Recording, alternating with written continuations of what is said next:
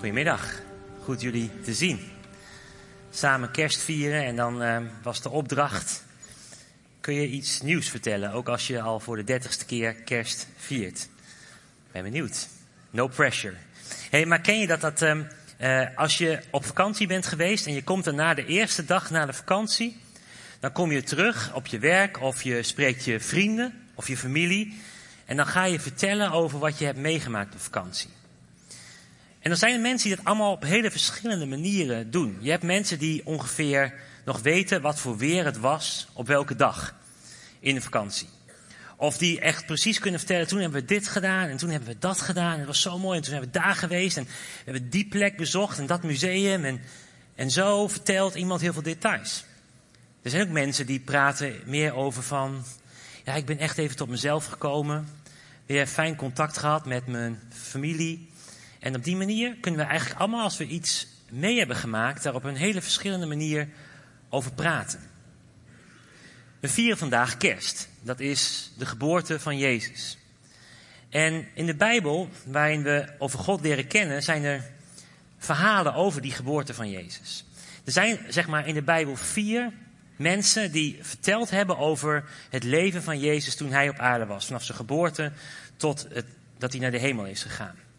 En dat noemen we de vier evangeliën. Dat zijn Matthäus, Marcus, Lucas en Johannes. En ze hebben allemaal eigenlijk een hele andere manier van vertellen. En je hebt Matthäus, die begint met helemaal te analyseren wie de voorouders van Jezus waren, helemaal terug naar het allereerste begin. Je hebt Marcus, die slaat het hele kerstverhaal over en die begint gewoon met de doop van Jezus. En dan heb je Lucas, die ons dat verhaal heeft verteld over de herders en de kribben en dat er geen plaats was in de herberg voor Jozef en Maria. En dan heb je Johannes. En over zijn manier van het vertellen over kerst wil ik het met jullie hebben vanmorgen. Ik wil proberen recht te doen aan hoe hij het kerstverhaal vertelt. Johannes heeft ook een heel boek geschreven over het leven van Jezus. En hij begint op een hele opmerkelijke manier. Hij vertelt over kerst als het ware in een heel mooi, poëtische, bijna filosofische manier. En dat hoofdstuk, dat eerste hoofdstuk van zijn boek, waarin heel veel kerst zit, dat wil ik met jullie doornemen vanmorgen. En wat daarin voor ons ook nog in zit. En voordat we dat gaan lezen, moet je even één ding weten over de structuur van die tekst. Johannes volgt in zijn eerste hoofdstuk exact dezelfde vorm als Genesis hoofdstuk 1. Dus het, helemaal het begin van de Bijbel, het allereerste hoofdstuk. En hij heeft daar een volgende structuur. En je ziet hem hier een beetje op het scherm. En je mag foto's maken. Ik wil ook de slides wel uh, online zetten op de, onze website. Maar de structuur van het eerste hoofdstuk van Johannes is als volgt. Hij heeft een paar inleidende woorden. Gaan we zo lezen. En dan heeft hij twee blokjes van drie onderwerpen. Hij gaat twee keer, nou ja, zeg maar hetzelfde verhaal vertellen over de geboorte van Jezus. In drie, in drie stappen. Namelijk eerst een verwijzing naar het Oude Testament, naar het begin van de Bijbel. Vervolgens brengt hij een getuige in. En daarna heeft hij het nog over het geschenk van kerst, wat het voor ons nu betekent. En dat doet hij twee keer, alsof hij zeg maar een lied schrijft met twee coupletten. En steeds is het hetzelfde verhaal, maar hij begint op een gegeven moment weer opnieuw. En dan aan het eind heeft hij nog een laatste opmerking. Nou, dus het is goed om dat even te weten. En dan heeft hij dus helemaal eenzelfde structuur als Genesis hoofdstuk 1. Ik kom er straks op terug. Ik begin te lezen, dus aan het begin van Johannes 1. En dit zijn dus die inleidende woorden. In het begin was het woord. Het woord staat met hoofdletter en daar bedoelt hij dus al Jezus mee. Het woord was bij God en het woord was God. Het was in het begin bij God. Dit is een soort openingsgedicht. En dan gaat hij door. Dan gaat hij dat over Jezus vertellen aan de hand van Genesis. Aan de hand van het eerste Bijbelboek. En dan zegt hij, alles is erdoor ontstaan. Zonder het woord is niets ontstaan van wat bestaat. In het woord was leven en het leven was het licht voor de mensen. Het licht schijnt in de duisternis en de duisternis heeft het niet in haar macht gekregen. En er kwam iemand die door God was gezonden. En nu zie je dus het tweede stapje. En nu gaat hij dus Johannes de Doper er als getuige bijhalen. Er, was er kwam iemand die door God was gezonden. Hij heette Johannes. Dat is niet hij zelf, maar een andere Johannes. Hij kwam als getuige om van het licht te getuigen. Opdat iedereen door hem zou gaan geloven. Hij was niet zelf het licht, die Johannes de Doper. Maar hij was er om te getuigen van het licht. Het ware licht dat ieder mens verlicht en naar de wereld kwam. Tot zover de getuige. Dan komt het derde stukje. Dan gaat het over het geschenk. Het woord was in de wereld, de wereld is door hem ontstaan en toch kende de wereld hem niet. Hij kwam naar wat van hem was, maar wie van hem waren, dat zijn wij dus, de mensen, die hebben hem niet ontvangen. Maar wie hem wel ontvingen en in zijn naam gingen geloven, hier komt het geschenk, heeft hij het voorrecht gegeven om kinderen van God te worden. Zij zijn niet op natuurlijke wijze geboren, niet uit lichamelijk verlangen of uit de wil van een man, maar uit God. En daar heeft Johannes het over het in God gaan geloven, wat de Bijbel steeds een opnieuw geboren worden, een nieuw begin noemt. En dat gaat hij later uitleggen. Nou, best wel filosofisch, hè? best wel even cryptische woorden, best wel ingewikkelde woordkeuze om over een geboorte te gaan praten. Maar wat Paulus dus in het eerste stuk doet, is teruggrijpen op het begin. Hij wil als het ware zeggen, als je het verhaal van Jezus wil gaan begrijpen, moet je wel bij het begin beginnen. En het begin is, God schiep de hemel en de aarde. Wat ik dus wil doen, is met je die tekst waar dat staat uit Genesis er gewoon naast leggen. Dus wat je hier nu ziet op de rechterkant, dit is wat we net hebben gelezen uit Johannes. Ja?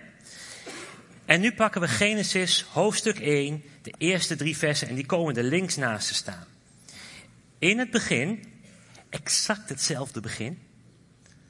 In het begin schiep God de hemel en de aarde. De aarde was woest en doods, duisternis lag over de oervloed en over het water zweefde Gods geest. En God zei, laat er licht zijn en er was licht. Zie je opmerkelijke parallellen in die twee keer drie versen? Je ziet bijvoorbeeld, ik heb dat rood gemaakt, dat het begin hetzelfde is. In het begin. Alsof Johannes aan zijn lezers duidelijk wil maken, een trigger van, kijk, je kent toch dat liedje, Genesis 1? Ik begin op dezelfde manier. Hij, hij roept herkenning op. Wat je ook ziet, ik heb dat groen gemaakt, is in onze Johannestekst lazen we over dat alles, hè, het, in het begin was het woord, was dit, het woord heeft alles gemaakt. Zonder het woord is niets ontstaan. En wat lees je in Genesis 1? God spreekt, spreken is woorden, en er is licht. God spreekt en de dieren worden gemaakt. God spreekt en de zeeën en de sterren en de zon en de maan in Genesis 1. Het spreken van God. En je ziet ook licht. Het eerste wat God schept in Genesis 1 is het licht. Het eerste wat Johannes noemt over het woord is het was leven en het was licht voor de mensen. Als Johannes hier vanochtend ons het kerstevangelie wil uitleggen, dan zegt hij, jongens, kerst is allereerst een nieuw begin. Ja, de schepping was er, maar we weten allemaal dat er allerlei dingen zijn misgegaan. Maar er is een nieuwe kans voor de mensheid.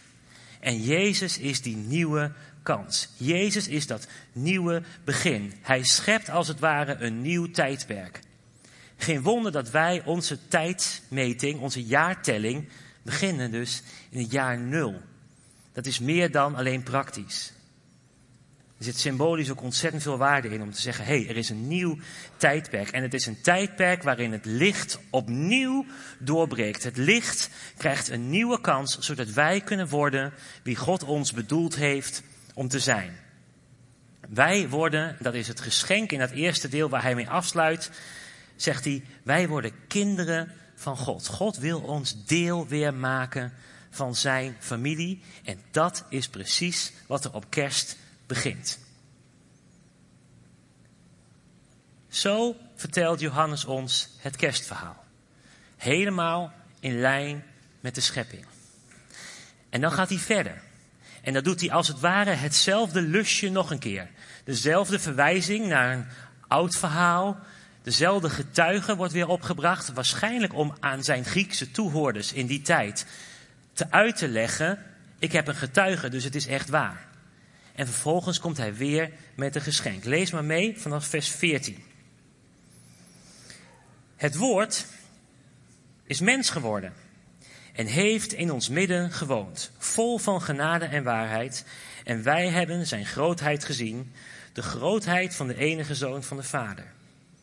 Van hem getuigde Johannes toen hij uitriep, komt Johannes weer, nu zitten we weer in het getuigendeel. Hij is het over wie ik zei, die na mij komt is meer dan ik, want hij was er voor mij. En dan gaan we naar het geschenkdeel, het derde deel.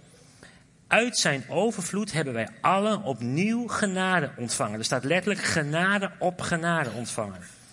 De wet is door Mozes gegeven, genade en waarheid zijn met Jezus Christus gekomen. En dan sluit hij af met deze zin. Niemand heeft ooit God gezien, maar de enige zoon die zelf God is, die aan het hart van de Vader rust. Oftewel, ze zijn allebei God, maar op een verschillende manier, de Vader en de Zoon, heeft hem doen kennen. Als hij dit stuk zo omschrijft, als hij kerst als het ware nu in couplet 2 met een andere bril op beschrijft, dan voelen we kerst. Hè? We voelen het woord is mens geworden, dat babytje Jezus. En het heeft in ons midden gewoond, God met ons, Emmanuel. De, de trouwe kerkgangers is dat bekend jargon. Maar let even op, het is echt fantastisch wat Johannes hier doet. In de hele taalgebruik verwijst hij hier terug naar het verhaal van Exodus, het tweede Bijbelboek. Hij zegt hier, het woord is mens geworden en dan wil ik even de nadruk op, en heeft in ons midden gewoond. Letterlijk in het Grieks staat er, hij heeft zijn tent onder ons opgezet. En als je de Bijbel kent, als je de Bijbel kent vanuit, zoals de Joden in zijn tijd de Bijbel heel goed kennen en de Torah, de wetten van Mozes heel goed kennen, dan gaat er bij mensen meteen een lampje branden. In een tent onder ons gewoond. Meteen gaat het lampje branden, de tabernakel van vroeger. Dat was hun geschiedenis, hun oude geschiedenis. En dat is ook denk ik waar Johannes hier naar verwijst. En ook hier geldt, het is een verwijzing terug naar het oud verhaal. En ik lees maar even met me mee.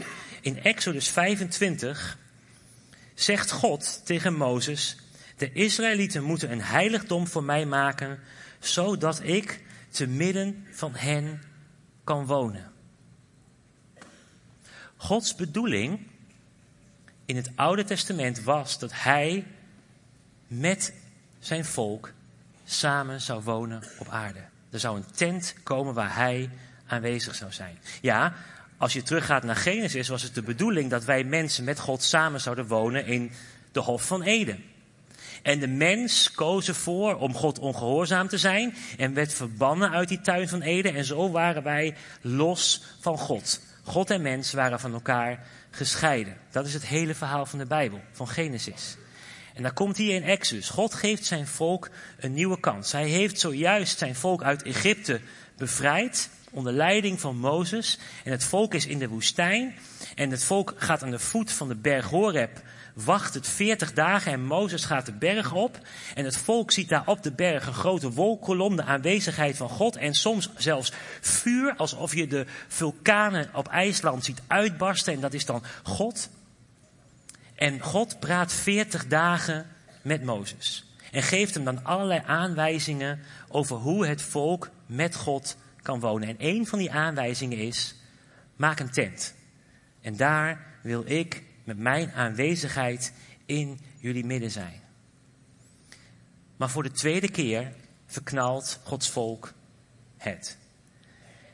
Mozes komt de berg af na 40 dagen en ziet daar het volk in aanbidding voor een gouden kalf. Oftewel, het, het volk had ervoor gekozen om een andere God op de eerste plaats te zetten. En als God één ding niet fijn vindt, is het dat. En dat heeft consequenties, of we het leuk vinden of niet. En we lezen daarover in Exodus 33. Daar zegt God, maar ik trek niet meer met jullie mee, want jullie zijn een onhandelbaar volk en ik zou jullie daarom onderweg kunnen doden. Opnieuw werd het volk van God gescheiden van de aanwezigheid van haar God in hun midden. En nu moeten wij ons even verplaatsen in de eerste toehoorders van Johannes. Die hadden dit als bagage mee. Die wisten wat het was dat God bij hen wilde wonen, maar dat ze die kans hadden verprutst. En tegen hen zegt Johannes: Het is kerst. Een nieuwe werkelijkheid. Een nieuw begin. En dat nieuwe begin betekent zelfs dat God weer onder ons wil wonen. Dat Gods afwezigheid voorbij is. Dat God weer onder zijn mensen wil komen. Hij is er weer bij. Hij wil er weer bij ons zijn. Hij heeft in ons midden gewoond door Jezus. Dat is kerst. Maar het wordt nog mooier. Want in datzelfde verhaal van Mozes in Exodus lezen we ook dat Mozes op een gegeven moment weer met God in gesprek gaat als een vriend, staat erover. Dat Mozes en God zo met elkaar omgingen als een vriend. En dan zegt Mozes, vraagt aan God, Heer, toon mij toch uw majesteit. Toon mij toch uw heerlijkheid. Geef het een naam. Er zijn verschillende vertalingen voor in verschillende uh, vertalingen. Maar hij zegt hier uh, in Exodus 33, vers 18: Laat mij toch uw majesteit zien. Ja, zegt God. Joh, Mozes, jij deugt. Dat volk was ongehoorzaam. Ik wil je wel tegemoet komen. Maar, lezen we in vers 20. Mijn gezicht zul je niet kunnen zien. Want geen mens kan mij zien en in leven blijven. Dit zijn van die passages waarbij je denkt, ja maar God is toch liefde? Ja, God is liefde. Maar juist in zijn liefde is hij ook rechtvaardig. En kiest hij ervoor om zijn gelaat niet aan Mozes te laten zien. Omdat de mens dat niet aan kan. Iets verder staat in vers 22. Als mijn majesteit straks voor je langs gaat, zal ik je in een kloof laten schuilen en mijn hand beschermend voor je houden tot ik voorbij ben. Als ik mijn hand weghaal, zul je mij van achteren kunnen zien, want mijn gezicht kan niemand zien. Ook dit verhaal was bij de toehoorders van Johannes bekend. En nu ook bij jullie. En denk nu eens na over kerst. Waarin Johannes ons zegt: Het woord is mens geworden, heeft midden in ons midden gewoond, vol van genade en waarheid. En wij kunnen zijn grootheid, zijn majesteit zien. Die hand hoeft er niet meer voor, want wij kunnen Jezus recht in zijn gezicht kijken. En daarmee, zegt Johannes, zien we God in al zijn grootheid, in al zijn heerlijkheid. Dat is kerst. God is in, in ons midden. Dat was altijd het plan. Maar na twee mislukte pogingen is Jezus de vervulling van de tabernakel en is zijn heerlijkheid zichtbaar voor ons. En Johannes gaat verder. Hij brengt Johannes de Doper weer op als getuige. En dan gaat hij vertellen over dat we genade op genade hebben ontvangen. Dat is dit wat ik je net vertelde. En ik hoop dat je, dat je ziet hoe het kerstverhaal zoveel meer is dan alleen een verhaal over een kindje die geboren wordt. Maar dat het een, een, een, een cruciaal moment is geweest in de wereldgeschiedenis die God met ons, met ons mensen wil gaan. En Johannes sluit zijn hoofdstuk als volgt af. Niemand heeft ooit God gezien. Maar de enige zoon die zelf God is, die aan het hart van de Vader rust, heeft hem doen kennen. Oftewel, als je naar Jezus kijkt, kun je God kennen.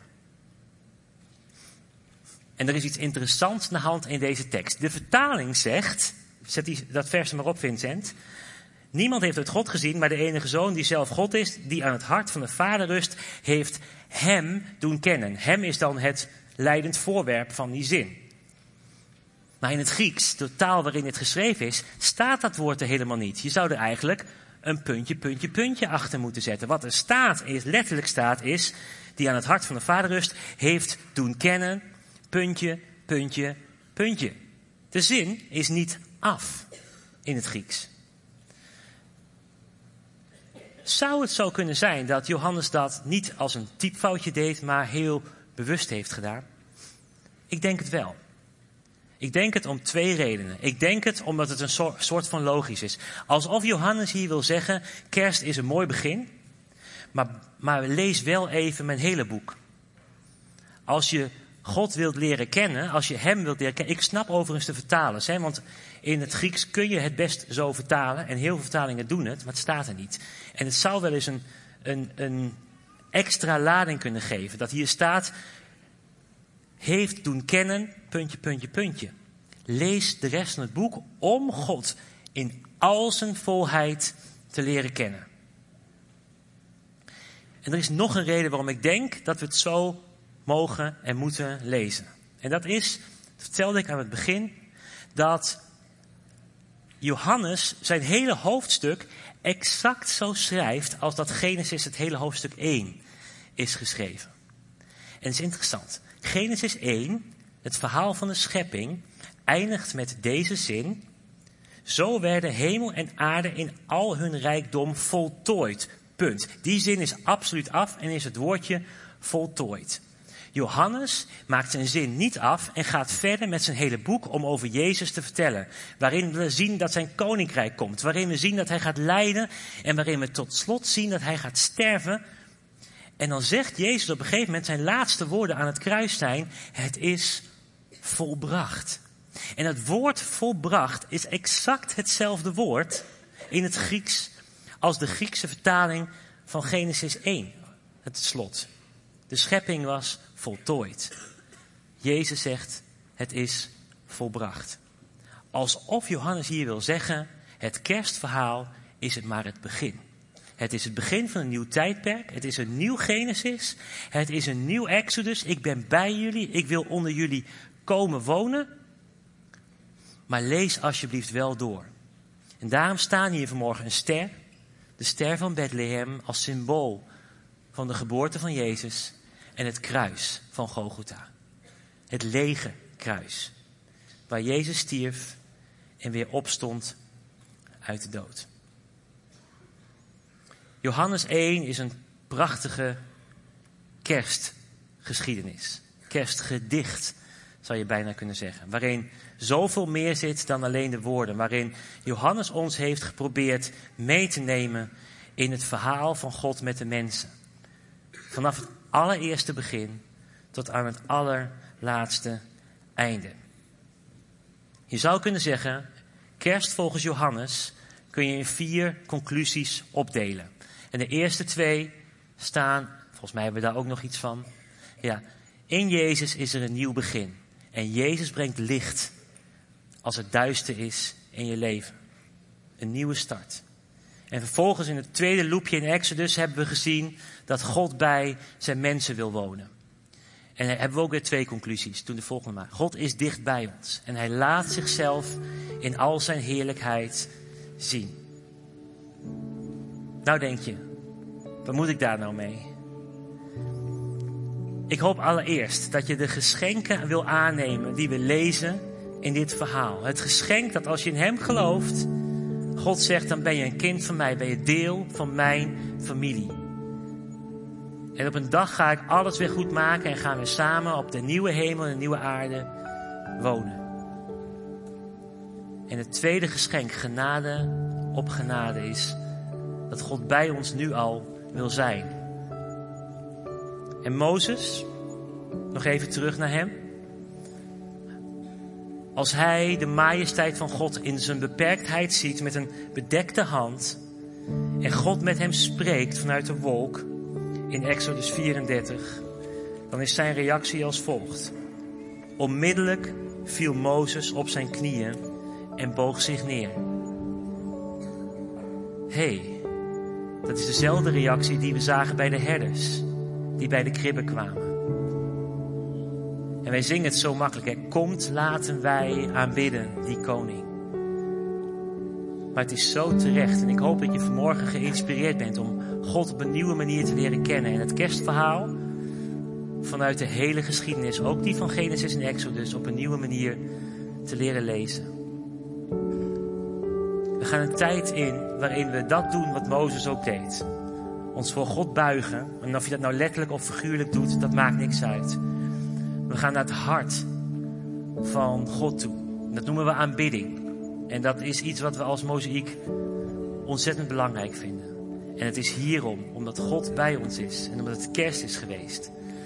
Ik hoop dat we een mooie tijd hebben. De band gaat ons daarin leiden in een aantal liederen van aanbidding. En ik hoop dat je je hart verheft naar God. Dat je je hart bij God brengt en, en God echt uit het diepst van je ziel dankt. En met de engelen mee gaat zingen als het ware en hem gaat prijzen. Ook in de verwachting dat hij nu is gekomen met kerst, maar dat we hem verwachten op een dag. En dat de engelen dan misschien nog wel mooier en nog wel harder gaan zingen over die geweldige God die met kerst naar ons is gekomen. Zullen we gaan staan en laten we samen gaan zingen.